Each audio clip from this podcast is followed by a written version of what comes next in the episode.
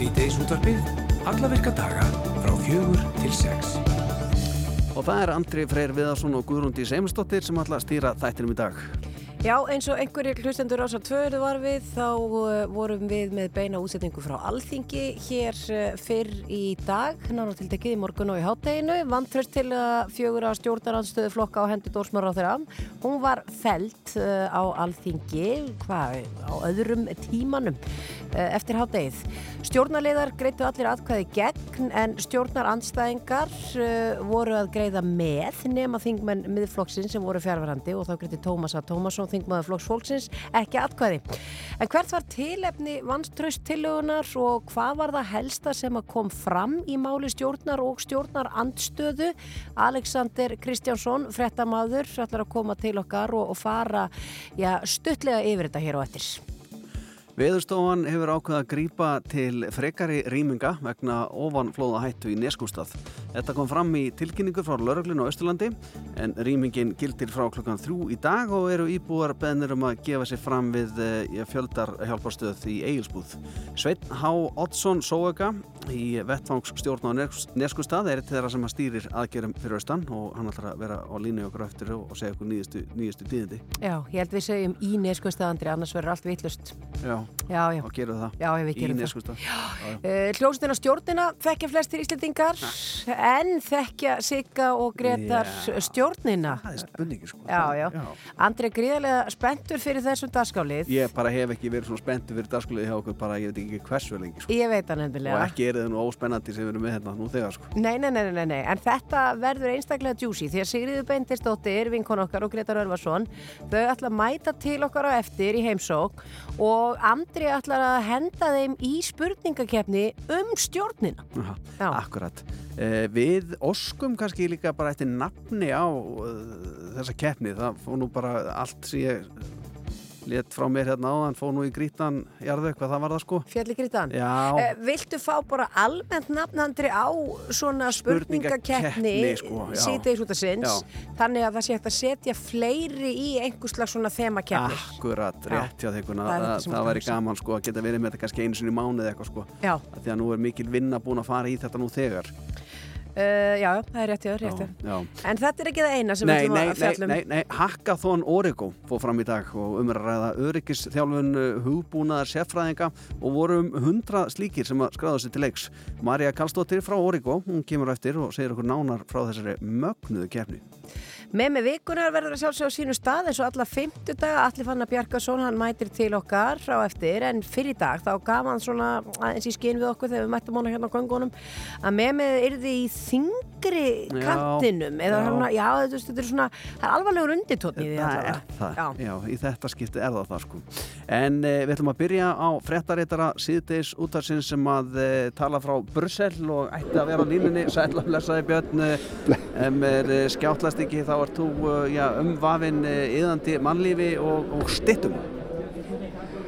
Það er rétt, ég er hérna nýri miðborg uh, Brussel. Lóð mér að segja fyrst Andri, mér langar í spurningakefnina hjá þér. Má ég koma? Já, já, já, já, endilega, endilega, fréttaréttarar uh, á emmendi grund, það getur verið svona spurningakefni, sko. ekki spurning, það var æðist. Herðu, ég er statt, ég er stattur á hotni, hvað hefur að kalla það, Eikarstrætis og Guðmustrætis. Þetta er svona elsti parturinn af Brussel. Hérna eru nokkur hundruð manns búið að búin að labba fram hjá síðan en ég kom hérna fyrir svona 20 myndum síðan. Herðu, Andri, ég er skrappinn á kaffihús hérna við hliðina og fekk mig kaffi á meðan ég var að byrja til að koma sko, í, í, í útsendingu. Hvað heldur ég fengið mig með kaffinu? Uh, það, þú, sko, þú ert búinn að borða yfir þig af belgískum vöflum þannig að ég held ekki vöflu ég, ég, ég ætla samt að segja, ég ætla að segja ja, hvað var það? Að vafla. Það var vafla, auðvitað var það vafla Ég, ég er komin á bræðið og ég Já. verð að fara að passa mig. sko. Nú er hann orðin háður sko. En sko Björn, það er eitt sem við glemdum að tala um um, sko varandi vöflu einslæðið þetta í síðustu viku að mikið óbóðslega ertu flinkur í frönskunni Æ, ég, látt ekki svona. Nei, ég get svarað. Ég er nú bara byrjandi sko, en, en, en þakka þið fyrir, Já, þetta var fallega já, sagt já, af þér. já. Þetta var fallega sagt af Ekki gæti menni, þú er stattur sem sagt eh, í miðborginni Ég er, er stattur í miðborginni, eins og ég sagði á hodni Eikar og Guðvurstrætis og beint fyrir fram að mig er 55 cm há stitta af dreng sem er að pissa. Og og, hérna, og þetta segir eitthvað um sko húmorinn í Brusselbúum og einhvern veginn þessa stöðu sem að þessi styrta hefur fengið í borginni að hún er orðin eitt af aðal svona, hún er eitt helsta kennileitið sem að túristar svona, svona, svona sækja að hér í Brussel þar að sko, aðdráttarafl styrtunar er í sko yngu hlutafalli við stærðinar hún er eins og ég sagði ekki nema halvur metri á stærð og, og valla það. Svona styrta úr bronsi mjög falleg, hún er afgirt hérna á hotninu á þessum tveimur göttum og hérna hafa eins og ég sagði streymt fram hjá hundruð manns uh, síðan ég kom fyrir svona 20 minnum síðan. Og þetta gerist náttúrulega bara alla daga. Það er ágættis veður akkurat núna. Það er þetta búið að ganga á með helli dempum og sólskinni svona ímist eða uh, veðri var að spila hérna mjög vel með efninu á það það var svona mýgandi rigning þannig að ég þurfti að flýja hérna undir undir skegni á búð við hliðina sem heitir að sjálfsögðu súkulaði búðin Mannequin Piss Já. sem er akkurat nafnið á, á, á stittunni. En, en er Björn, sagt, já, Björn, ein spurning hérna því að þú ert búin að senda okkur mynda þessari styttu og hún er agnar smá og svona miða við ég sagði eitthvað. Já, miða við verður fólk fyrir, ég verður að hissa þegar að sér þessa styttu og stærðin á henni ég, já, mögulega, ég, allavega var ég fyr, sko hissa þegar ég sá hana fyrst af því að, að því að hún er það þekkt að maður einhvern veginn heldur að hún sé stærri. Þetta er svona svipað eins og að koma inn á Louvre safnið og, og, og horfa á Mona Lísu. Maður heldur einhvern veginn að hún sé risastór en hún, er bara frekar lítil sko. Þannig að hérna, ég held að gildi það samum þessa styttu en hún er, hún er hins vegar sko æfa gömur. Það er fyrst minnst á hana hérna í skjölum sérst, í Brussel frá sko 1450 og, og, hérna, og síðan þá hefur hún staðið nokkurn veginn hér á þessu hotni að vísu í mismunandi útgáfum vegna þess að svipað eins og með hafmeðinu í köpinn þá var búið að stelinni nokkrum sinnum og meira sé að sko var henni stólið hérna það var svo slæmt að það voru hérna franskir hermenn einhvern tímann á 17. öld minni mig sem voru hérna staðsettir í Brussel og, og, og þeir stálu stittinni og borgarbúar eru svo reyðir að það sló í brínum millir þeirra og frakka konungur þurfti að stíga inn í deiluna og hérna gaf eitthvað, einhverja gullna skikju á stittuna til að, til að friða Brusselbúa.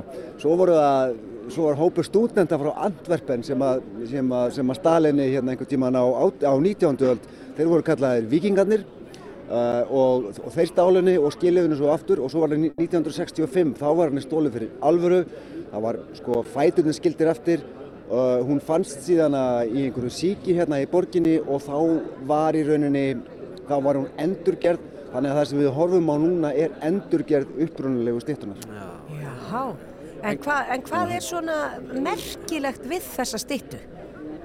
Já, hún á sig bara mjög langa og mikla sögu hérna í Brussel. Ég meina, hún er búin að standa hérna í hvað, eh, einhver, einhver næstu því 600 ár og þannig að þú veist, bara það gerir, það, þú veist, gerir hana að, að, sko, að kennileiti sem er, sem, er, sem er alveg verðt að koma og skoða. Ég meina, þú veist, bara það þú veist, gerir hana merkilega. Já. Það eru líka svona, það eru skemmtilega þjóðsögur í kringum hana, hún er, það eru svona nokkrar útgáfur af þjóðsögum, hún er vera af ungum dreng sem að átti að hafa bjargað einhverjum hermönum hún er, hún er líka talin vera af ungum dreng sem átti að hafa komið í veg fyrir að umsátursliðum borgina sprengdi borgar eh, hérna, veggina í loft upp af því að strákurinn var að njósna um hermennina sá að þeir voru að kveikja í einhverjum tundurþræði til þess að koma eld í, hérna, í púður og pissaði á tundurþráðin og, hérna, og þaðan kemur sem að ein af nokkrum, nokkrum þjóðsögum sem, að, hérna, uh, sem, að, sem eru tengdar þessari stittu Já. en, krakkar, þetta er ekki eina pissandi stitt Það er sko, stittan í já. Brussel. Nú, ok, það, ok, hvað, það eru færri pissandi stittur í Brussel heldur en þessi sem þú ert að segja okkur frá hérna? Já, þeir greinlega eru svolítið hrifnir af pissandi stittum af því að það er líka til stitta hérna sem heitir hérna, sko þessi heitir mannequin piss sem er svona svolítið er svona svo pissandi strákur. Já, Svo er til einhver sem heitir Janneke, Janneke piss sem er í rauninni sko Jan sem er að pissa. Það er stelpa sem bara situr á hækjum sér og, og pissar eins og, eins og litla stelpur gera stundum. Hún stendur ekkert langt í purtu, hún er kannski ekki alveg eins fræg og þessi en, en hún er virkilega svona, veist, flott stitta og, hérna, og gaman að sjá hana. Já. Og svo er líka hérna, svo er líka hérna, svo er líka stitta pissandi hundi já, sem heitir hérna Seneca piss. Og læt ég þar með lokið upptalningu af pissandi stittum í Brussel. Því líku fróðleikur sem út að færa okkur hérna Björn Málkvist eh, það er alltaf að stóla á, á, á eh, einmitt eh, skemmtilega fróðleikur úr Brussel fyrst voru það vöflunar, nú er það pissandi stittunar við veltum fyrir okkur hvað kemur næst og lökum bara til að Það heyra verður bara komið ljós. Já, það verður komið ljós. Já, lökum til að heyra það En, Takk já, við hvetjum bara alla Íslandingar sem eru á leið til Brussel að koma við á Mannequin Piss. Já, þá er það ekki nema bara til að sjá mann ekki piss Já, ég segja það. Já, e, svo má skoða hérna líka fólk hefur tíma. E, takk kjærlega verða Björn Málkvist og, og Takk. uh, njóttu, við heyrumst aftur af vikunliðinni. Takk fyrir mig. Bless, bless. Rástvö Síðdeisútvarpið. Hæfileg blanda frá fjögur til sex á Rástvö.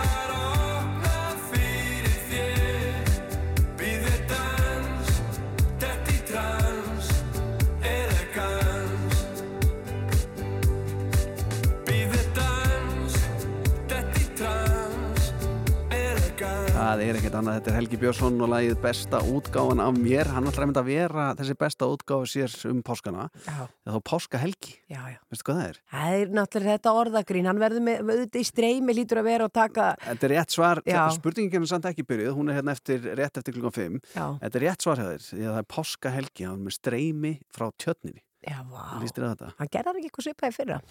Jú. Uh, jú, kannski. Neist hann hafa verið áður við tjö- á tjötninni, sko, Já. ég veit ekki það var um páskana, en það er allir vitlusir í helga, en það meina syngur með elegans og allt, er flottur. Það er eitthvað slíkt. Já, En eh, við ætlum að fara að fjalla um eitthvað allt annað andri því að eh, já, eins og uh, Diggi Lusendur á svo tvö heyrðu þá voru við að útvarpa beint frá Alþingi hér fyrr í dag og, og já, dálitið af morgunverkunum að stotta fjallu niður og svo hátegisfrettir og eitthvað inn í poplandið. En það var vantröst til að fjögur að stjórnarnanstöðuflokka á hendur dónsmálar á þeirra sem að var felt á Alþingi skömm eftir hátegi og uh, það voru stjórnarliðar sem að voru að greiða atkvæði gegn en, en stjórnaranstæðingar, allir nema þing með miðflokksins sem voru fjárverandi uh, greitt, já, ég har að segja og svo greitti Tómas að Tómasson þing með flokksfólksins ekki atkvæði. En við erum komið frétta manninga til okkar sem að var að fylgjast með þessu öllu saman og að, já, bara uppfræða lesendur rú.is jafnóðum og allt gerðist í dag. Og það er hann Alexander Kristjánsson fréttamaður og við ætlum að fá hann svona bara til þess að fara aðeins yfir það hvert var tilefni vantraustilögunar og hvað var það svona helsta sem að kom fram í máli stjórnar og stjórnarhansstöðu kontur sæll og blessaður, Alexander Hæ. Já, það er mikið búið að vera um að vera í dag og svo, já, þetta er náttúrulega stórfrétt en, en svo voru að berast líka bara glænýjar stórfréttir Já, maður held einhvern veginn að þetta er svona stóramáli í dag.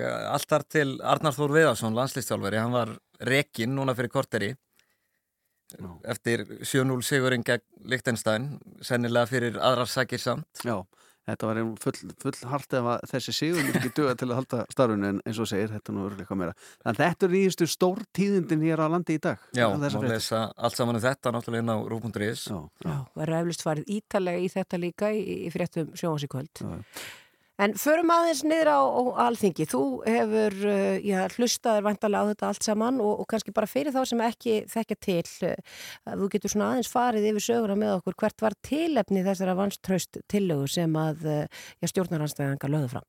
Já, eigum við að taka stuttu útgáðuna. Já, Ef þú spyrð stjórnaranstöðuna þá snýst þessi vantraustilega um háleitar hugmyndir eins og, og svona stjórnspekileg hugtök því skiptingu ríkisvald, stjórnaskrána, þingræðisregluna, vald, heimildir, ráþherra og þar fram til gödunum. Ef þú spyrð stjórnarlega þá er minni hlutinu svona kannski að fara fram úr sér í tólkun á sagt, áliti frá skrifstofu alþingis. Tilefnið þessara vantraustilugu er sem sagt að á dögunum kom álit frá skrifstofu alþingis ekki þingbunum sjálfum sem er í pólitík, heldur lögfræðingunum á skrifstofunni um að, já, dómsmálar á þeirra væri einfallega brjóta lög þó að það hefði svo ekki verið sagt berum orðum, þetta var allt saman svona orðað af mikilli yfirvögun eins og, og embætismönnum er, er vant en það snýri semst um það að alþingi ætti sannarlega rétt á gögnum frá útlendingastofnun innan þess fress sem alþingi hefur sjálft gefið útlendingastofnun Þetta eru sem sagt upplýsingar um umsækjendur um íslenska ríkisborgararétt. Einhverju hluta vegna er það þannig að eins og við þekkjum það er þetta öðlast ríkisborgararétt á tvo vegu sko. Það er annars vegar þannig gegnum útlendingastofnun og svo er það gegnum alþingi. Mönum eftir Bobby Fischer, kannski frægast að dæmið. Hann fekk ekki ríkisborgararétt með því að fara til útlendingastofnunar og uppfylla einhver skilirði sko. Hann, hann fekk það bara frá alþingi með lögum. En yfirleitt er þetta fólk sem fær ríkisborgari rétt með lögum nú samt bara fólk sem eru búið á Íslandi lengi og kannski uppfyllir ekki alveg öll skilirði eða, já, eða nenn er ekki að býða um, og Jón Gunnarsson hefur verið mjög opinn með það honum hugnast ekki að þessi leið sé yfir höfuð til og hann hefur kallað þetta VIP-röð sem sagt það að, að fólk geti leita til alþingis í staðin fyrir að fara til útlendingastofnunar og hefur bara í rauninni tekið ábyrð á því að hafa beint því til út, útlendingastofnunar bara fyrirskipað að að vera ekkert að flýta sér að, að láta alþingi fá þessar upplýsingar sem alþingi þarf til þess að geta afgriðta. Bara að taka þetta á sínum hraða og svona svipuðum, hraða og, og þeirra eigin umsóknir. Og stjórnaræðinstæðingar segja, já gott og vel, þú, þú ert kannski ekki sammála því hvernig lögin eigi að vera en svona eru þau nú samt. Og alþingi á rétt á þessum gögnum og ráð þeirra getur ekkert frekar en okkur annar bara ákveðið að hafa hlutan öðruvísi. Það er bara, bara lögbrót, segja þeir. já. En, en ég meina, uh, svo uh, þannig að þetta, þessi tillaga, vantrúst tillaga, hún er feld en stjórnar andstaðan var mjög hörði í máli sínu í dag með það að þetta snerist ekkit um uh, já, íslenska ríkingsborgararétt eða útlendinga eða annars líkt heldur bara að vildi einblina á já, þessi þingskapa lög sem voru brotin. Já, það er svona tólkun stjórnarnastöðunar sem að svona á ákveðin stuðning þarna í, í þessu, þessu, Þessu minnisblaði, nákvæmlega. Já. Og, og það var allavega uppgefna ástæða þessu, þetta vitum við það að, að það hefur verið svona óanægja með dómsmálur á þeirra uh, já, ákveðina flokka í stjórnarnarstöðu og, og raunar líka í stjórninni, maður veit það að En Svona- veistu, veistu það, Alexander, að því að Óli Björn Kárásson sagði að mér minnir í dag að það kæmi aldrei fram í þessu minnisblaði að reynt og beint að lög hefðu verið brotin. Stendur það í minnisblaðinu eða ekki berum orðu? Veistu það? Einmitt, ég vil náttúrulega sé þetta minnisblad og það, það stendur ekki berum orðum að Jón Gunnarsson dómsmálur á þeirra hafi brotið lög. Hins vegar stendur það að alþingi eigi skýrt rétt á þessum gögnum innan sagt, þess frest sem að alþingi í rauninni setur útlendingastofnun. Um, og út- ástæðan fyrir því að útlendingastofnun hefur ekki afhengt þessu gögn og það er bara óumdeild ástæða þess e- er svo að Jón Gunnarsson hefur bara fyrirskipað að það skuli stofnunin ekki gera. Og eins og ég segi, hann, hann hefur ekkert farið lengt með það, hann hefur bara gengist við því í sko, opnum greinum, opinni grein sem hann byrti á vísi, bara já, ég er að þessu og ástæðin fyrir því er að, eins og er í dag, það, það gengur ekki. Uh, nú hafið þið kannski uh, heyrt í einhverjum niður á alþingi í dag, kemur fólki á óvart að þetta hafi verið felt eða mátti búast við því að því að, já, bara út af þing meiri hluta? Það er ekki að segja að þetta komi óvart, það, það er nú yfirleitt þannig að, að fólk kýs bara eða greiðir atkvæði eftir, eftir flokksljónunum og, og það gildir ekkit ekkert bara um, um stjórnarlega, það gildi líka um, um stjórnarnarstöðuna, nema reynda miðflokkin, þeir, þeir voru fjárvænandi báðir. Um, þannig að nei, þetta er svona kannski fyrir séð en þó voru svona einhverjar, einhverjar pælingar. Við vitum það náttúrulega að Jón Gunnarsson er ekki, ekki vinsælasti maðurinn í þingflokki hérna, vinstri græna um, en enga síður hefur allur þingflokkurinn kannilega ákveðið að, að, greiða atkvæði gegn þessari vantraustölu Orri Páll Jóhansson sagt, þingflokksformaður vinstri græna, hann í rauninni stilti þessu þannig upp á þess kannski að, að segja það berum orðum að, að þarna væri verið að greiða atkvæði um, um framtíð ríkistjórnarinnar hann ætlaði að styðja ríkistjórn Katrína Jakobsdóttur til góður að verka og, og, það svona lág í orðunum að til þess þá þurfum við að fella þessa vantraustilegu. Þannig svona kannski virkar þetta bak við tjöldin. Já. Já, þetta myndi ég segja Alexander Kristjánsson fréttamaður að því við vorum búin að lofa hlustendum okkar að þeir svona fari bara hnitmiðað yfir þetta þannig að þeir sem að náðu nú ekki að hlusta á allar umræðunar hér í, í morgun eða er ekki búin að lesa sér alveg til var, þaula. ég mæla sem að fólk gera það var mjög skemmtilegt Var þetta ekki nokkuð skorun? Já, Jú, ekki... þetta var bara Já. mjög skorinort og það er náttúrulega einmitt mjög góð umfjöllun um þetta líka inn á rúpunturis ef fólk er þyrst í meira. Þannig að Alexander Kristjánsson, fréttamaður, takk kærlega fyrir komuna í síðdeirspið. Takk fyrir mig, takk fyrir að koma. Rástvö Síðdegis útvarpið fyrir ykkur frá fjögur til sex á Rástfö.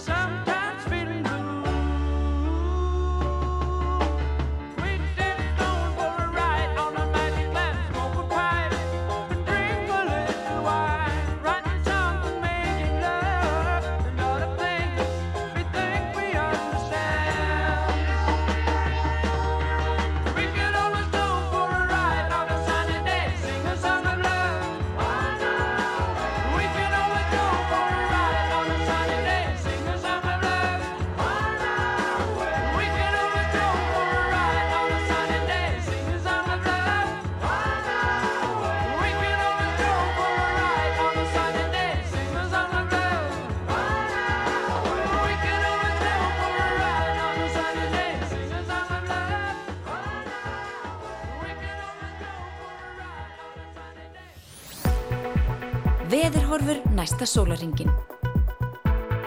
Aha, það er nákvæmlega það sem var að fara að bresta á okkur hérna og uh, Árni gef Guðmundi Seymarsdóttur svona viðurfræðingi þáttanis uh, hljóðið. Þá er langar verið að benda ykkur á það að uh, Auður Jónsdóttir, uh, réttöfundur, hún á ammali í dag. Fæðist þessum degur 1973, þetta er stór ammali á auði. Og sko henni til hafingi það, þetta er vinu þáttanis líka Nú, uh, Alþing Íslendinga samþykti aðild, aðild landsins að NATO á þessum degur 1949 og það var allt vittlust og voru óerðir sem að Ég voru á Östuvelli og fræktir orðið og ekki myndir þessu sem við séum ekki um tíðan og svona.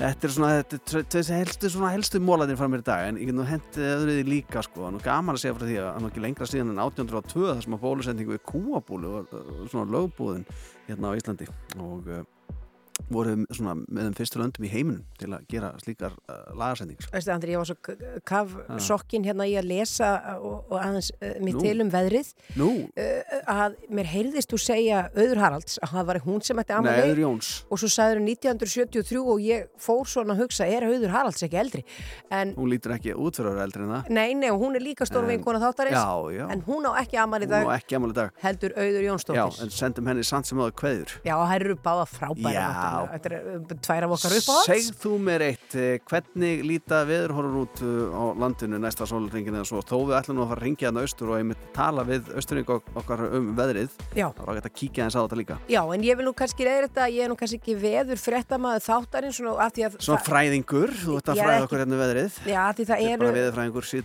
ég er svona meira kannski svo sem les bara Já, það sem fræðir okkur um þetta í leðinni, þannig að þú lítur að vera veðurfræðingur ekki, já, já, að, að, að því þetta er langt Ekki nám. gera úr Þetta er sjálfur. langt nám, sko. En ef ég líti aðeins á korti, það Lítum er austlag átt, 13 til 20 metra á sekundu og það er kvassast suðaustan til og á annesjum norðan til en mun hægar í suðvestanlands og það er talsverð eða mikil slitta austan til á landinu og snjókoma til fjalla en rigning sunnan til á sveðinu og rigning eða slitta með köplum í öðrum landslutum en sumstæða dál til snjókoma norðan til og hiti verður 0 til 6 stig en 5 til 10 stig um landið uh, suðvestanvert. Það er svo suðaustan 8 til 15 á morgun, kvassast með austuströndinni, rigning suðaustan og austalands, annars væta með köplum en lengst af 14 Norðurlandi og hiti 5 til 11 stig.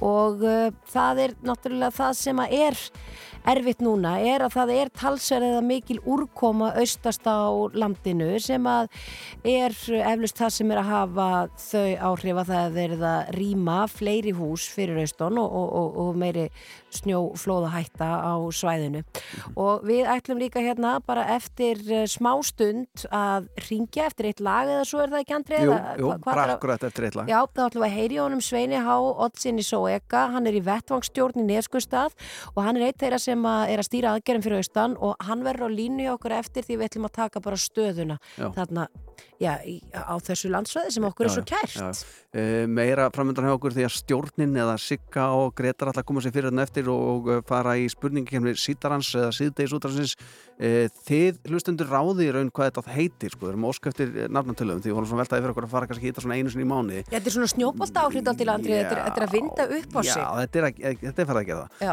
og við fögnum því, við fögnum snjóboltum og uppvindingum, þannig að bara um að gera og verið svolítið með okkur í dag, sendi okkur hérna skilabóð bara stu.ruf.is eða, eða andrivaf.ruf.is eða bara fjersbókasíður ása 2 leiðnar eru margar og endilega bara komið að vera svolítið með okkur Herru, hver er þetta þú sé komið tattu?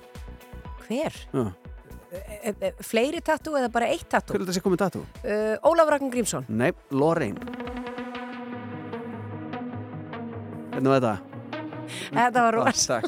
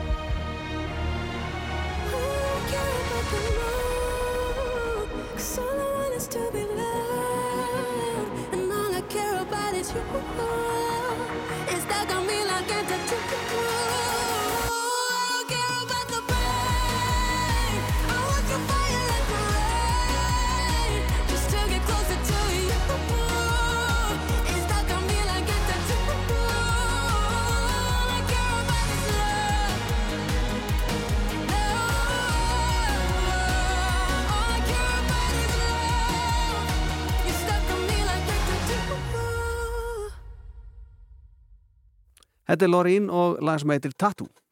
Veðurstofan tók þá okkurinn að grípa til frekari rýminga vegna ofanflóðahættu í Neskjöfstað. Þetta kom fram í tilkenningu frá lauruglunni á Östurlandi og rýmingin. Hún tók gildi klukkan þrjú í dag og uh, íbúar hafa verið bærnur um að gefa sér fram í, í fjöldahjálparstöði í Egilsbúð. Sveitna Oddsson Sóega í vettvángstjórn í Neskjöfstað, hann er eitt þeirra sem að stýra aðgerðum fyrir austan og hann er á línunni hjá okkur. Kondur sætlu og blessaði Sveit. Sæfrið því. Ég segði okkur bara hvernig hefur gengið framan af degi. En það hefur bara gengið vel. Rýminga gengur fljótt fyrir sig og hérna, fljótt og vel. Við tókum vel í þetta. Já. Við erum að skoða að bæta aðeins fyrir rýminguna. Hérna, það, það er tilkynnt mjög fljótlega. Já. En annars hefur bara verið, hefur bara verið að fylgjast með stöðunni og, og fylgja fólki af rýmingasvæðum í, í húsin sín. Sækja lausinir. Uh, Það, ég uh, hjó eftir því hérna, ég bara inn á til dæmis rúf.is að það var verið að ákveða að rýma efstu húsaraði við Urðateig, Blómstöfelli og Víðimýri á reytum 8, uh, 11 og 14 og svo eru undanskilin þarna einhver hús, uh, er einhverjar ástæður fyrir því að sumir eru undanskilin og en önnur þurfa, aðrir þurfa að víkja? Já, veðurstofan metur þetta fyrir okkur og til dennar og e, ástæðina fyrir þessum húsum sem er sleppt þarna úr, ég held ég hafa nú heilt hana í, í fjölmjölum, en það var í raun e, snjóflóðafarveginir þar fyrir ofan, fyrir þau hús eru búnir að tæma sig. Þannig að, að þess vegna er þeim húsum sleppt. Svo eru, það var endar inn í þessu engati viðbót svona, til að fyrirbyggja miskilík sem hlýðagata en hérna og uh, það var smá miskilíkur í byrjun en allt í lagi með það Já. en hérna, já það var, það var uppgefin ástæða, það það voru búin að ríða, uh, ríða sig þessi farvegir. Hvernig taka austfinningar sjálfur svona rýmingum? Já, menn eru misvanir þessu, þetta hefur ekki verið gert í ansi mörg ár hér í Neskustad það held að það ekki gert neða ég bjóð hér en hérna búið hér. Svo í munni, ekki, ekki, alls ekki á svona stórum skala. Þannig að þetta er þetta vissulega viðbriði og og, eh, og menn eru þetta þetta begur í fólki þessu leiti við vonum að við vonum að menn skilji þá ástæðunar og, og hérna þessi gert öryggisins vegna Er, veistu um einhver dæmi þess að fólk bara hreinlega vilji fara að heiman jafnvel þótt að sé kannski ekkert á já, þessum mestu hættu svæðum akkurat núna, ég er bara af óta Já, ég veit með skort um einhverja sem að hafa svo sem ákveðið að já, vera á svæðum sem eru fjær rýmingareitunum stó að menn séu kannski ekki og kannski sérstaklega þeir sem hafa verið á þessum reytum sem við hefum verið að aflétta og rýma aftur finnst þú núna. Þannig að maður veit svo sem einhverja sem að hafa fært og svo veit maður svo sem að fólk hefur bara skroppið úr bænum en þetta ástand er. Já, þegar ég talaði við þig ölliti hérna fyrir í dag þá voru, voru varst að tala um það við mig að það hefðu verið náttúrulega einhver krabaflóð og það væri einhver krabaflóðs hætta vegna mikillar ofankomu. Uh, getið þið séð hvert framaldi verður? Já, mann er svona að reyna að spá í það. Það eru svo sem núna eru e, núna eru þetta snjóflóð og hérna sem er að koma krapaflóðin, þetta er svona blöyt snjóflóð svona í bland. Það er að slína og er að byrja að rigna þá verða þau blöytari og þingri, Mm. bara ekki slátt segja, það enganir en hérna svo er sér satt næsta stíg er eiginlega þá eru menn að velta fyrir sér sko, lækjum sem að sleipu þá krabbin er úr lækjafarvegum og svoleiðis. Það eru rýmingar hérna á öðrum stöðum og östfjörðum á hérna sunnanverðfjörðunum og, eða sunnan við okkur og, og segði sér held ég líka sem er verið að rýma þeim, þeim ástæðum. Já. Það eru lækjaðar farvegi sem geta það sem, já, krapaflóð geta farið upp úr. Sveit, bara rétt í lokin að því að þú ert á dagvakt í dag, hvernig gengur að manna, já, bara allar vaktir að því að ég veit að því björguna sveita fólk eru þá vöktum þarna allan sólaringin, gengur það ágætlega? Heru, við erum búin að fá bara stórkostlega mannskap af öllu landinu til að hjálpa okkur og leta undir hjá okkur. Þannig að það er ómetanlegt í svona langtíma ástandi. Við erum með, það er valið maður í hverju rúmi og, og, og tvöfalt við það. Þannig að, að það gengur vel. Við erum með góða góða viðbót inn á svæðið og það- hérna á öllum stöðunum. Það var auka mannskap hér en af öllu landinu uh, dreift hérna á þessa, þessa staði sem að, sem að hætta á mest. Þannig að við erum ansi, ansi, ansi vil mönnuð. Já, það er gott að heyra. Sveitna Oddsson Sóeka í Vettvangsstjórn í, í Neskustad uh, og eitt þeirra sem að stýri aðgerðum fyrir austan. Takk fyrir að vera á línu hjá okkur og, og við hugsum uh, hlýlega til ykkar og, og, og vonum að þetta fari allt vel að lókum. Takk fyrir. Takk. Já, Gunnar, við ætlum að eh, fara að undirbúa hérna spurningakefni mánaðarins eh, sem okkur vantar ennþá nafn á. Það er síðdegi spyr, síðdegi útarpið, síðdani spyr, spurningar síð, eitthvað svona. Uh, Leiki ykkur að, að, að þessu hérna og verið svolítið með okkur hérna. Hver veitum að þú getur átt nafn spurningakefni síðdegi? Er það ekkert merkilegt, Gunnar? Jú, jú, Takk. Þú ert alltaf inn að koma með nafnasamkeppni, ég er gaman að því. Já. Rástvö, Fyrst og fremst Rástvö, Þetta er Rástfö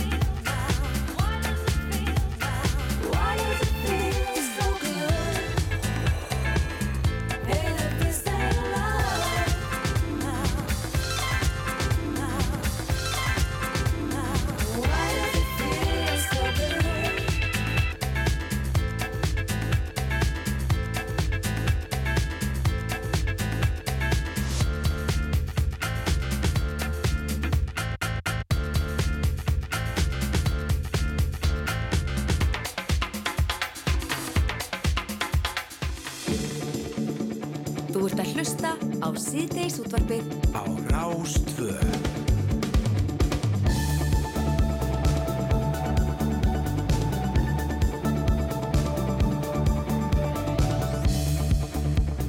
stefnir í æsi spennandi spurningakefniðan eftir eh, svona meðveð stemninguna hérna í hljóðverinu því að eh, Sigga er mætt og Greta líka sælverið og blessuð. Já, hæ, hæ, hæ. Blessaður. Hvað segið þið? Við erum bara fínt, sko. Já, Stressaður. Já, ég er það líka, Greta. Ég, ég er líka mjög stressaður af því ég hef aldrei verið með svona keppni í síðdeisúttarpinu, sko.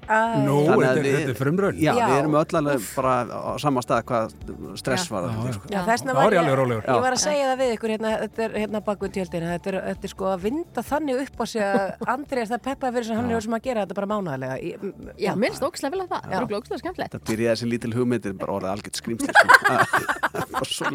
Já, En talandi um algjört skrýmsli stjórnin eh, að verða 35 ára gummur Já, og eh, þessu að sjálfsögðu ætli þið að fagna með viðandi ja, kvöldstund já, heldur betur. Já. Við ætlum að vera með tónleika í, í 30. september í Háskólabjó og hérna og 2009, því það eru bara komin auka tónleikar á því þeir seldust allir upp með allir í forsölu Já. á fyrir tónleikana. Já, þannig að það þarf bara hendi í aðra.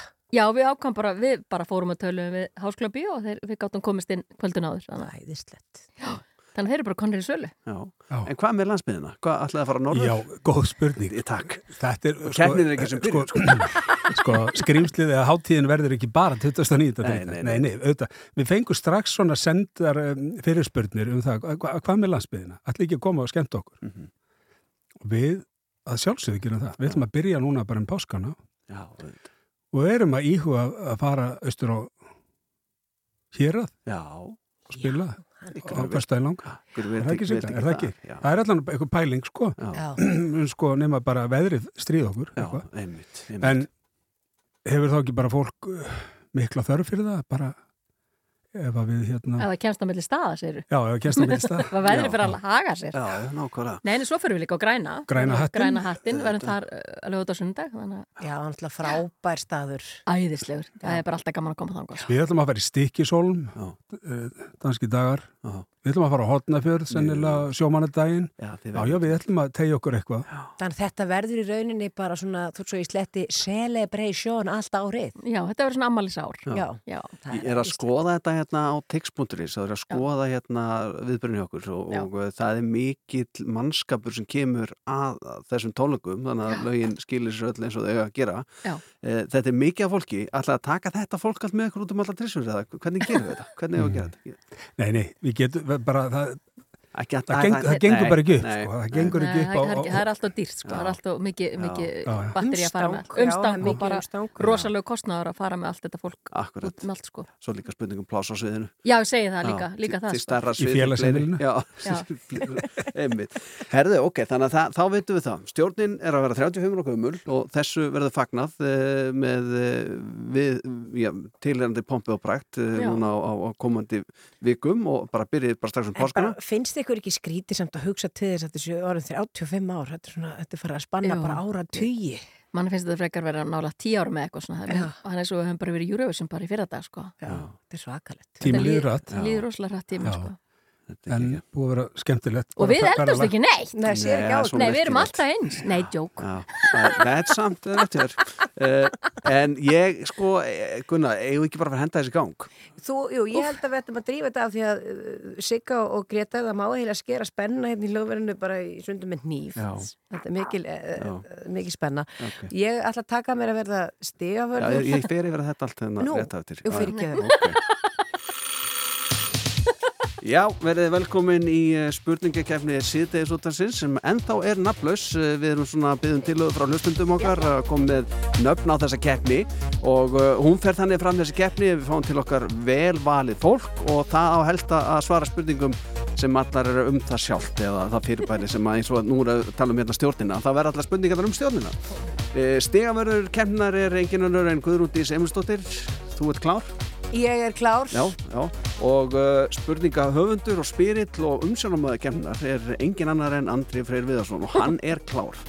Nú, uh, Reglurnar, Andri, þú er að fara aðeins yfir það. já, og- reglurnar eru, uh, já, þetta er nú eitthvað sem maður ekki búið að hugsa nógu vel út í, en, en reglurnar eru vendalega þannig að, uh, að sko við, nú sé ég strax að vanta bjöllu. Já, ég var að einmitt að hugsa, hvað er bjallan? Já. Sko Sigga er mikil kettnismannaskja og var strax að rukka með um bjöllu og það er engin bjalla hérna. Það er engin bjalla hérna. Nei. Ding, ding. Víst að þetta er alltaf fæðast hjá okkur. Verður ekki bara að gera svona ding ding sjálf, bara svo sem gerir fyrst ding. Svona. Hann fær, býtu, ég er ekki með eitt bolla, býtu. Æ, ég er með Hérna. það. Er annar bolli hérna? Þetta er- Nú er þetta strax verið að snúið sig hendur um okkur. Frá. Býtu, hann er bolli og hann er, hann er er kanna, við getum slegið þetta. Já, þetta er allt svona fæðast hjá okkur. Rosalega óþægild að vera með svona fagfólk á móti sér þegar... ég ætla að vera með lykla Nei, hérna. Ég er með svona greið, þetta er ekki svona fjastringu. Jú, takk.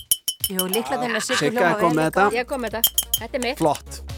Hann- En hann- það heyrist ekki. ekki heyrast nóg, hann verður að vera með líklana. Þetta er í hljómurinn á Gretari. Já, þetta er flott. Já, þetta er flott. Þetta er sem sagt, dekkri hljómurinn er uh, Pjallanas Gretas, hún hljóma svona. Já, og minn er svona. Sigga er þessi, já, akkurat. Akkurat þessu við viljum Feedback. Og uh, ég held að sé ekki eftir neina að býða en að henda okkur í þetta. Já, ég veit að ég sjálfur bara þóra að fara í þetta. Nú er þetta bara óstressaður, sko. En uh, við skulum bara dæma okkur í þetta. Já, Um Vestlunumannahelgina 1995 kom stjórnin fram á hátíðinni Halló Akureyri. Margar af vinsanlistu hljónstum landsins komu fram. Nefnið þrjár aðra hljónsindi sem að komu fram á Halló Akureyri árið 1995 á samt stjórninni. Eitt stig fyrir hvert band. Gjör svo vel. Gretar, Hann byrjar. GCD Skriðöglarnir Síðanskinsól Verður að fá eitt stig fyrir þetta því að eh, GCT komu fram á Halló Akureyri þarna 1995. Ég sé ekkert um skriðjöklana eða SS Soul. Þannig að Sigga, þú getur sleftið að minnast á þá, Já. já. Ég myndi að segja nei, hérna, Sálunars Jónsmins. Uh, Hvernig dattir þeir í? Já. bara tóttmobil. Uh, þú mátt hendin einu namni yfirbútt. Er viðbót? Nei, hún er komið með tvö. Ég kom með tvö. Það það er, það er bara, það er bara tvö- eftir tvær sveitir. Já, þú Já, að hún fá hún nefna þrjá. þá fyrirgefðu. myndi ég bara 95. Já. Þessi ekki bara í svörtum fötum. Mm, góð ákiskun, en ekki rétt. Nei. Eh, Þeir sem komum fram að það með ykkur voru 60s, Vinum var svo blóma, GCD eins og Greta Benda og Germundur Valtísson og Ljónsveit, Bubbleflies, Sálnás Jónsmins og eh, Páll Óskar og Miljónamenningarnir. Já, veistla Þetta var algjör áhuga, maður. Því Vá. magnar. Eh, Halló Akureyri, þið er nú vantilega komið nokkur sem fram að Akureyri um Vestlumæðikina, ekki? Jú, Jú. nokkur, sk- nokkur við skipt verðum nokkur ár þar bara í, já, Já. síðastlegin ár. Vitið þið hvort þið verða núna í ár? En ég, Það er nú ekki búið að ákveða neitt með það Við vorum allir fyrra, við komum fram með nok nokkur lögu fyrra Já, á sko, já, þarna á túnunu. Sko, já, þetta eru náttúrulega ekki formlega hátilengur Nei, nei, nei. Þetta er bara svona, nú haldaði bara svona hátíðatónleika. Já, akkurat. á sunnudagskvöldinu Svo var- fór þetta skiptið til nöfn og svona var ein með öllu líka og þetta hétt alls konar sko. En þetta var skemmtilegt. Ég Við ætlum að vera í Vestmanni Já, já, mjög gott. Við verðum þar á föstudinum Já, þið verði í eigu. Já, já. Vá, það er öllu til tjálta þar. Algjörlega. sko. Geggjað. Eh, ég verði að fá að stoppa ykkur hérna því að önnur spurning. Árið 1990 kom út frábær plata sem að heitir Eitt lag enn og var hún með hljónstinni stjórninni. Eh, hvert var þriðja lagið á bjellið plötunar og hverju sömdu það lag? Uh. Jésús minn, þriðja lega ba... Uh. Uh, Þetta er klukkan sko. uh. Guð, það er örgulega... Ég ætla að giska á alla leið. Allavega þetta loka svar. Uh, já, Ránt. Gretar. Sumarlag, Egil Kristjánsson aðastinn Ásberg Það er lagið eh, Ég fer til þín. Ég fer til þín, já Já. já, já, já. Greinlega ekki á Og eftir hvern prógraminu. var það? Það er eftir Friðrik Það er eftir Friðrik Karlsson og Ingo já, Steinarsson já, já. Og, já, já, herði Já, já. Ok, Það var- Frá, frábært lag, sko, Já. já, en erfitt að muna náttúrulega röðin á plötunni. Ég var að mynda að hugsa um þetta lag, ég myndi bara ekki hvað hétt, þarna rólega lagið, þess að sagði ég allar leið, því ég var að, að þetta er æðislegt lag þetta er að frisa, ég fætti þín, rosalega flott lag. Uh, Ég var að fá að stoppa ykkur. Já, áfram með smjöri hérna í spurningkemni síðdeis og þess að stjórnin sem að uh, keppir uh, við stjórnina um já, spurningar sem að snúa allra að stjórninni. Við ætlum að fara í þriðu spurningu og við ætlum að halda okkur við eitt lag enn þessu sinni lagið. Hversu mörg stig fekk lagið eitt lag enn í Eurovision í sang þetta er 124, Það er hárétt. Yes! Það er hárétt. Ég bara, bara sá þetta í gær Ég, bara, er ég, ég ætla ekki sko Þess vegna 128 byrja ég áður en að nefnilega lægi var búið Þess vegna byrja ég áður sko að hann hætti að tala Svo Já. ég myndi vera undan þér Það er mjög sniðut, mjög, mjög sniðut að gera það sko. Svo myndi ekki ná mér Já, já. Já. Eh, 124, þetta er nú, þú hefði viljað meira, 128. Já, ég, ég, já, ég var að vona að við líka færum herra sko. Já, ég er saman á því. En við vorum alveg fjóra sæti Já, við vorum ekkert nú- svo mörg Nei, við vorum bara nú 100 og mjög stolt af ykkur. Já, Já. Já, vinningslega var ekkur um 5-6 stigum herra Það var nú ekki meiri munur en þetta sko. Það man, það man engin eftir þessu vinnings. Nei, ég man ekki eftir það er þessu að um vinningslagi. Það er engin að blístra þá. Nei, engin að því allan hérna á Íslandi. Nei, nei. En eh, er þetta ennþá fengin í, í svona partíin, út og svona, fá sig og greiðar? Sko, Við höfum bara ekkert gefa okkur Nei. út í það. Við ekki farið ellendis svona- í þetta sko En mikið hérna heima sko Já, Þetta var ekta atrið, bara einn skemmtari og þið tvö og stuða stundin. já, Ég sé þetta fyrir mig, fá Sóla Hólm og skemmtarann Já. og við dönsum. já. Ég og þú? Við. Já, ó, já, ok. Sko, við erum þetta ekki alveg búin getum að ná líka- þessum dans ennþá. Við Við getum erum ennþá að æfa. já, þú getur líka komið með sko Þetta getið Já. það, þetta, þannig að hugsa alveg lausnum. Eh, áfram með smjörið. Já. Við erum komin í kvikmyndahús. Mjölkurbóndin Inga, sem að leikin er af Arndísi Hrönn Egilsdóttir, elskar stjórnina og hlustaði nokkur sinnum á hana og uh, já, í, í, í, í þessari íslensku kvikmynd sem að kom út árið 2019 þá spyr ég hvað heitir myndin og hver leikstir Tvö stigi bóði. uh, var, Sigga ætlar að vaða þetta, Já, bet, ah, hún er ekki viss. Ég veit að þetta er Leoni sem var í myndinni. Og held að það verið kona sem leggst þér uh, Þetta er ekki, nei, hvað Nei. er Hrútar, nei Nei, ég maður það ekki Greta hristur hausinn Já. eh, svarréttur færist yfir Sigga manna ekki, hún gefur þetta frá sér Greta bankar í glasi, Já, þetta var þetta lagi Ég lífu voninni sem Nú. var, hérna, Það flott, flott andriði kringum þetta lag já, loka atrið. Já, akkurat En hvað hétt myndin? Hún tekin upp á Kvamstanga, mann ég heitir. mhm, Já. mhm. Og sprautuði mjólk yfir hérna var Já, já. brjáluð, Þetta var mjög Alveg skemmtilegt. Já. Já, frábæð mynd sko Ég ætla að gefa ykkur sikkot stigi fyrir þetta. Þið Nú, mundu bíddu, það. Já, bara við vorum kvamstanga og svona. Og... Ok. En það er ekki komið, það er ekki svarið ekki komið. nei, nei, Bara komið auka stigi. Já, Á Manstu mynd- hvað heyrðu? Sigga, Já, við vorum á frumsýni. já, ég veit að vorum að háskóla bjó Það kemur ekki heill út úr þessu, sko. Jésús, nei, þetta er bara, maður man ekki, nei Þetta eru rútuferðirnar. Já, ég sé alltaf þessi lími þegar ég verði nýja pappa sko. Þessi elga, miklu eldri en það Já, þetta er En dúgalimið. þetta var ekki, þetta var ekki hrútar, nei, nei, nei, ég man ekki hvað Nei. heitir Vaff eitthvað nei, nei, ég gef þetta frá mér alveg. Héraðið?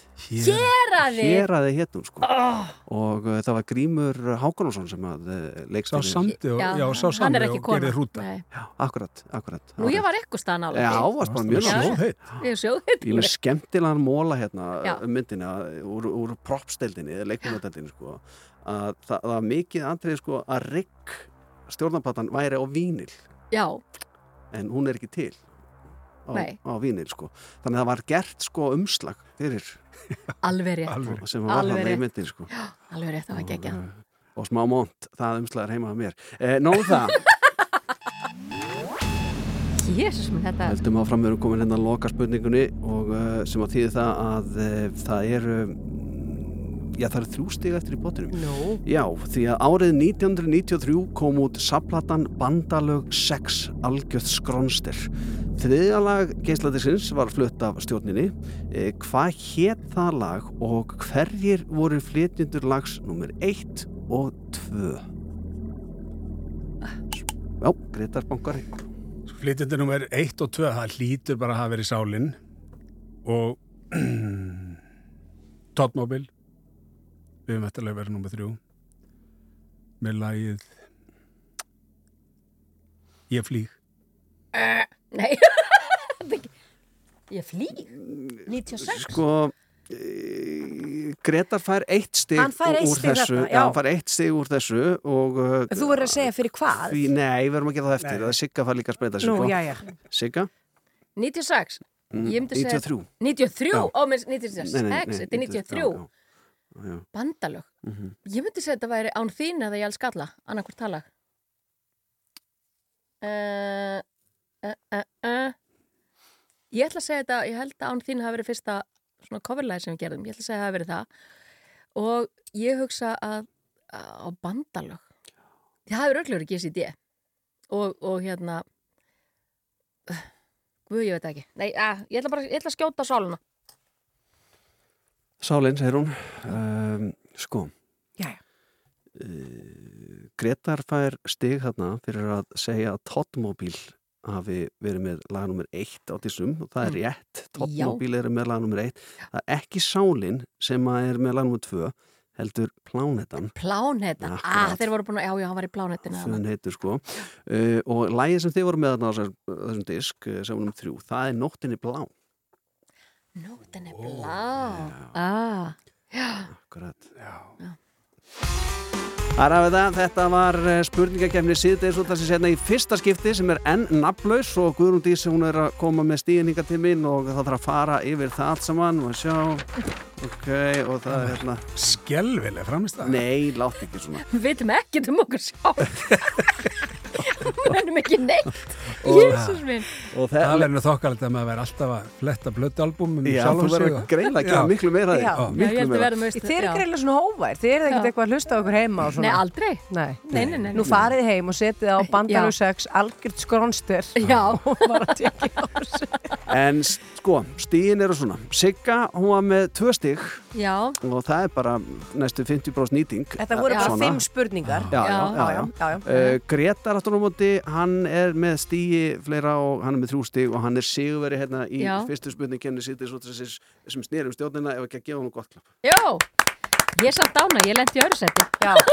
Já, það er rosa gott. Það er rosa gott að lenda í skömm í Nú skil, ég, Nei. nú skil ég okkur að vera svona lengi að semja þessi Þetta var ekki smarfa spurningar. Já, takk fyrir það. Þetta átti aldrei að létt. Þetta var aldrei erfitt eins og þetta með, eh, já, þetta með til dæmis síðasta var Kafa er bara mjög djúpt Já, takk fyrir. Með uh, algjört skonasteyr. Já, þylja upp önnur lög og Já, ég svona. veit, Þetta að, ég alveg- veit alveg að popparnir er ekkert mikið að velta fyrir sig Þetta er já, þetta vera með þessu spurninga þetta. Þetta er auðvitað svona allir að leiðin heim og vinnin og svona. Takk. Þú veist, og ég vissum að það er allir að reyna að svara Já. spurningunum og svona. Já. Og þú veist, þetta ekki bara góð upprifin á þessu En öllu? nú fer Já, einhver og hendir, Sigga. hendir 60s til dæmis á fónin Já, eða já. einhverju Já. svona. Finnur að bandalög 6 diskinn og Já. þetta er hún í. Já. Var ekki til Eurovision lag sem hétt Þá veistu svarið Jú, Já. það er nákvæmlega. Einmitt, erðu, nafn og kenna. Já. Þá veistu svarið, Góð pæling. Gunna.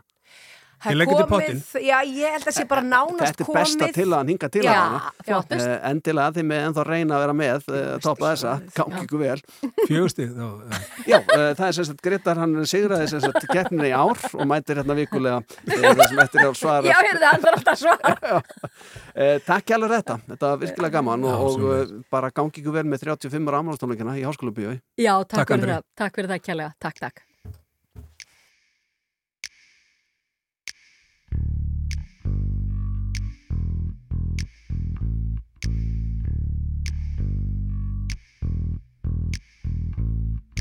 Allt eða ekkert er svarið mitt.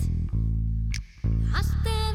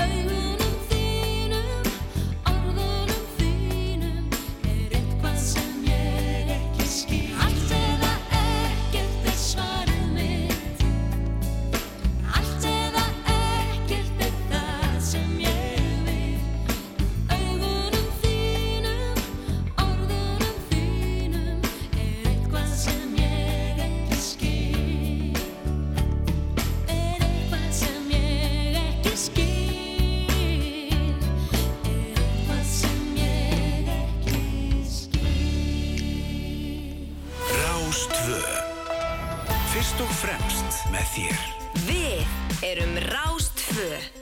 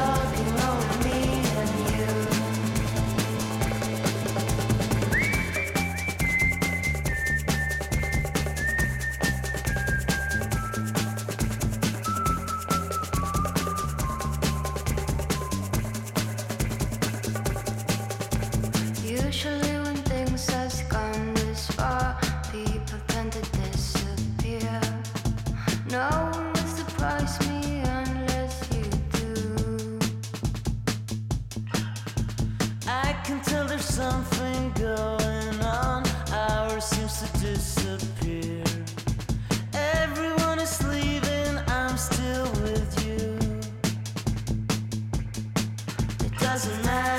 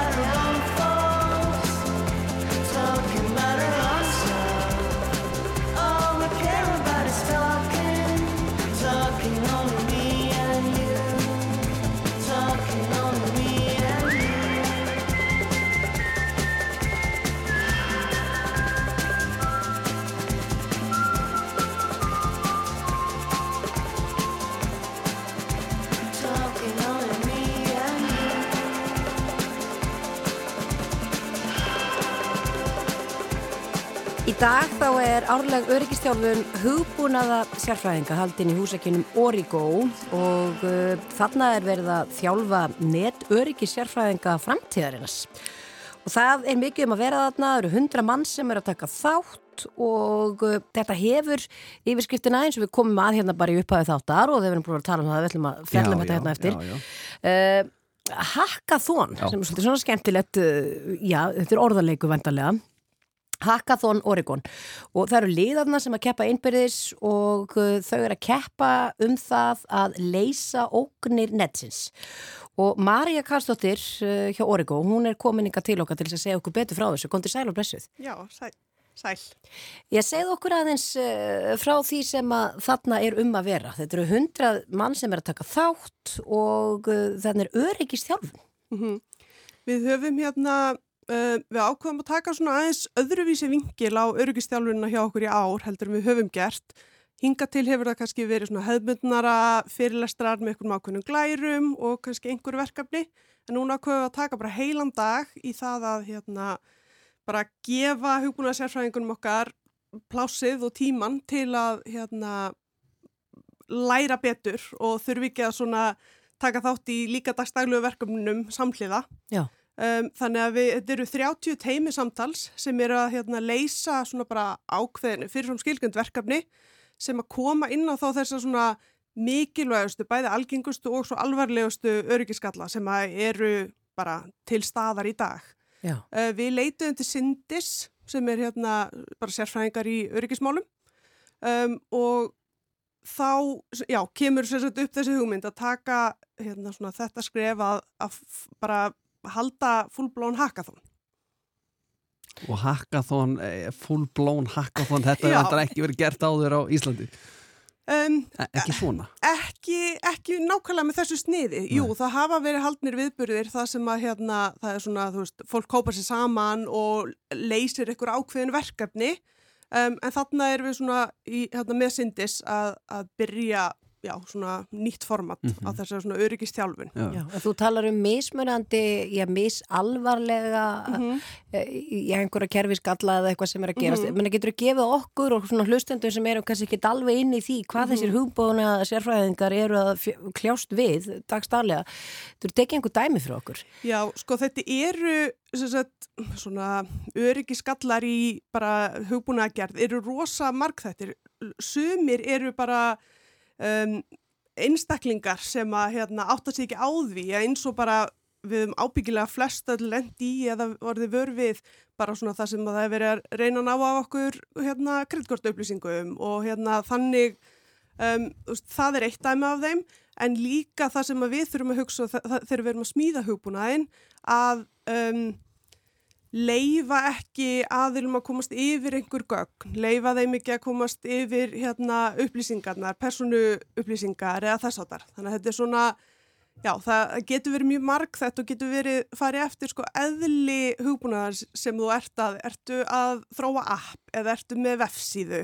Þannig að svona, það er líka skipti máli sko, þú vilt sérhafa þig í því sem að hérna kemur þér við, Já. svona, dagstarlega. En sko, núna eh, í hackathonu í dag, þannig er Mhm. búið að vera, vera sko mikið af flinku fólki að mm Mhm. berjast um titilin að vera besti hackarinn eða sigra hackathonið. Já. Eh, Þetta er svona öryggis svona sérfræðingar framtíðarinnar Mhm. en fólki sem geira þarf samt að vera með ákveðna náðagáfi eða ekki því að tæknin breytist alltaf svo fljótt og það þarf alltaf að vera skrefin á undan. Jú, einmitt.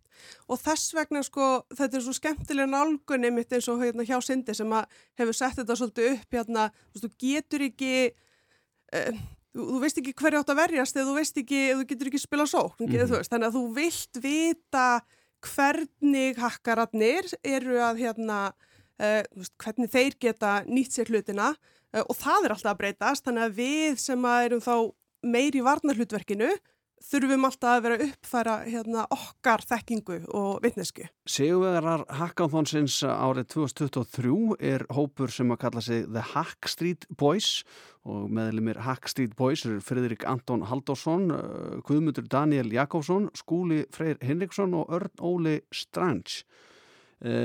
Hverju breytir það fyrir þennan hóp að uh, já, vera já, bestu hakkarar ásins 2023?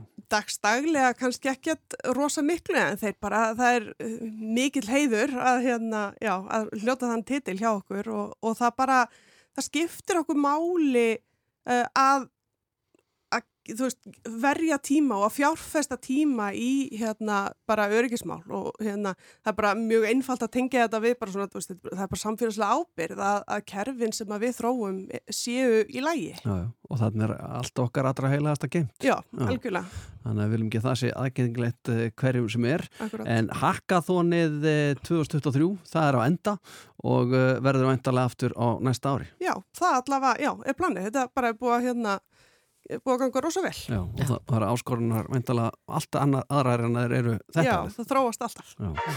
Það er það, þetta var allt um Hackathon uh, Origo. Uh, Marja Kallstóttir, uh, takk kjærlega fyrir spjallið. Takk fyrir mig. Things haven't been quite the same. There's a haze on the horizon, babe. It's only been a couple of days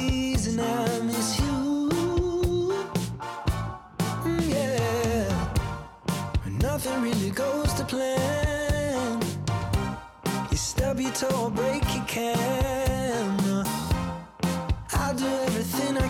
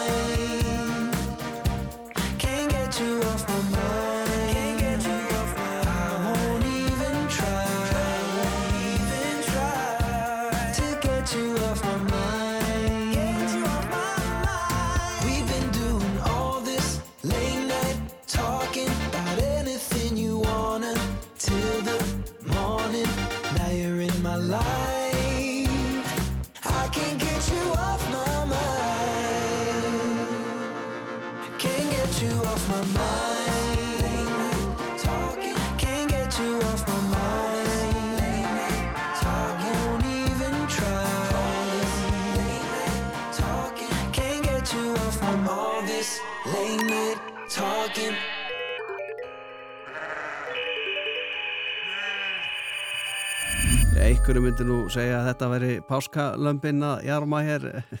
Er svona eftirvendingu Svo nú ekki, þetta er eh, með með vikunar og hinga er að mættur Alli Fannar Bjarkarsson, sæl og blessa, velkomin Jú, takk, takk fyrir. Já, ég allir minn, eh, með með vikunar að þessu sinni þá, uh, já, sýnist mér á það, erum við ætlum að vera svolítið í þungumálunum í dag? Já, allavega svona, við ætlum að fara reynilega bara inn í réttarsalinn. Úf, ja. það er rafmagn andrúsa þar. Algjörlega og Já. þetta er svona Þetta er farið að vera svona algengara og algengara að svona rétt, raunverulegt réttar drama sé að verða svona internet uh, þarna, fyrirbæri einhver. Mhm.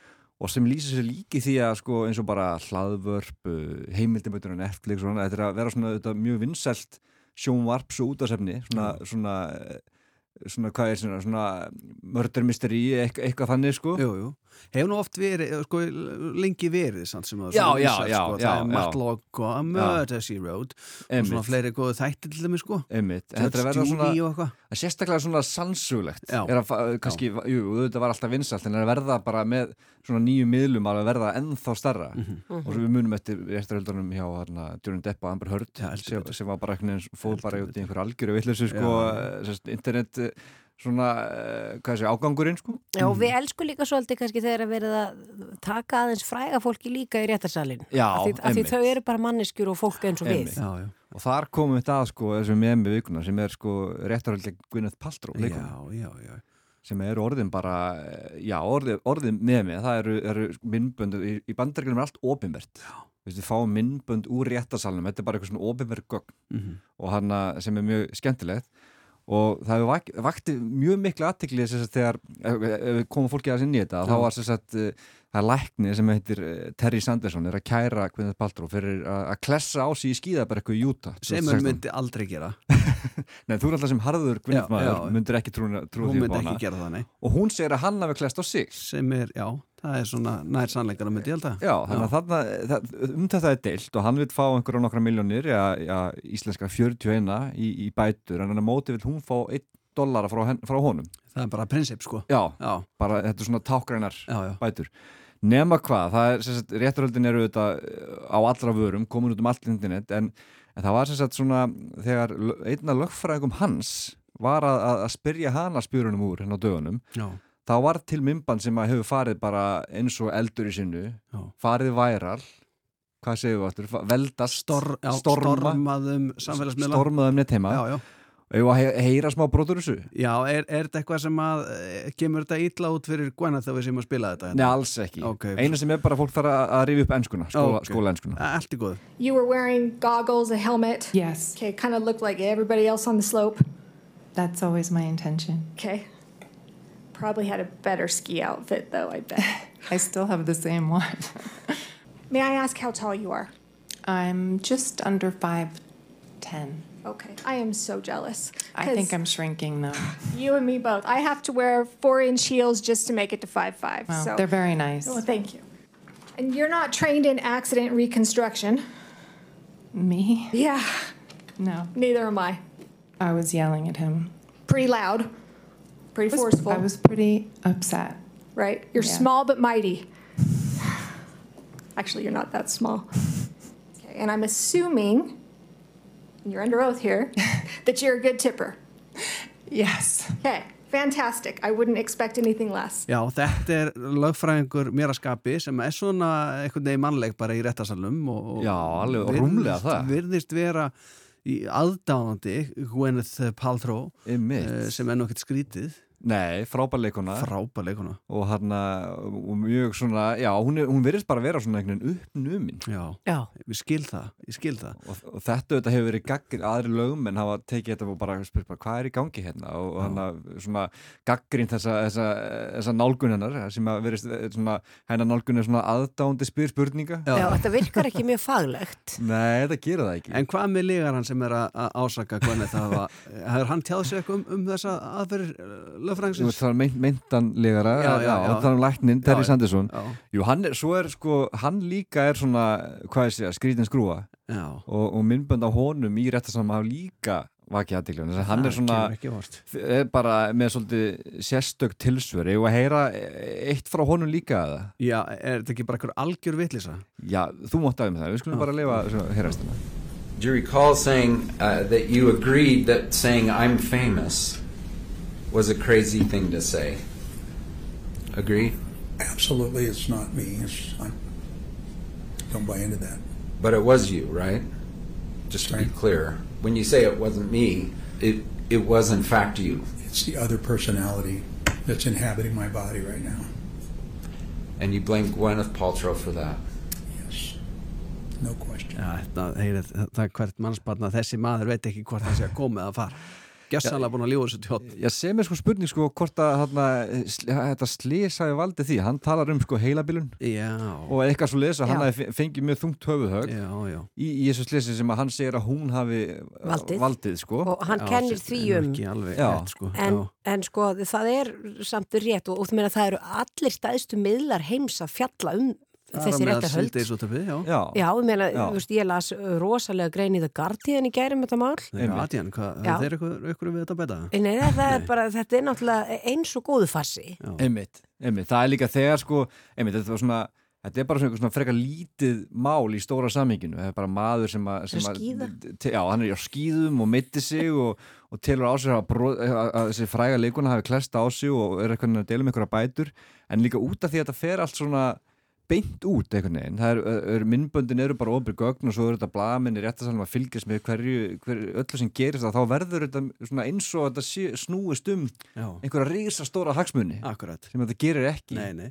En þetta er ekki sko síðustu svona uh, réttaröldir sem við höfum að sjá eins og þú myndist á hérna, það er Johnny og Amber náttúrulega, það var náttúrulega bara vinsalasta sjómasefnina gæslappa sem að komið út í áratví og uh, svo er nú fleiri dæmi og svona líka svona uh, viðbyrði sem að gerist áður en að neti var til sko. Já, O.J. Simpson Akkurat, akkurat, Einmitt. það er svona eitt af fyrstu svona ellendu sjómasútsendingunum sem maður sá í.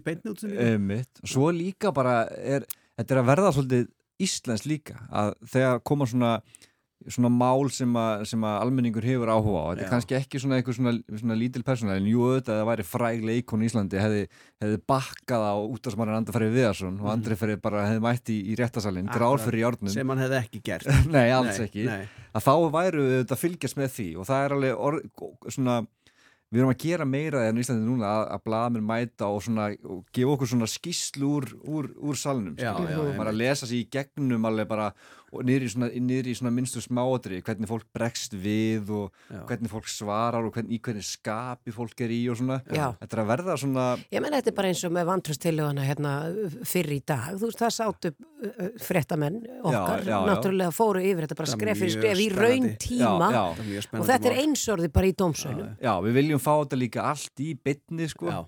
Og það er svo, svo þetta grípa fjölmjöla þetta vegna þess að svona, þegar þið grípa þetta svona þá er allir að fylgjast með á sama tíma Já. allir að hugsa um og tala um það sama Já. og þá veginn verða hlutin svo svakalega og þá emmitt komað því, þá verða til þessi memi sko. sem, sem að fljúa já. vangjum þöndum um, um, um netheima sko. Starrendin svo að eh, memið er visslega komið inn í fréttatíman okkar en allir fannar uh, loka spurning, uh, mun memið taka yfir fréttum? Við skulum vona ekki og hérna vorum að sko að, verði áfram bara svona almennt frétta mat en ekki sko uh, like og, og hérna komment á samfélagsmiðlum sem ráði því Allir fannar Bjarkarsson, takk hjá fyrir. Takk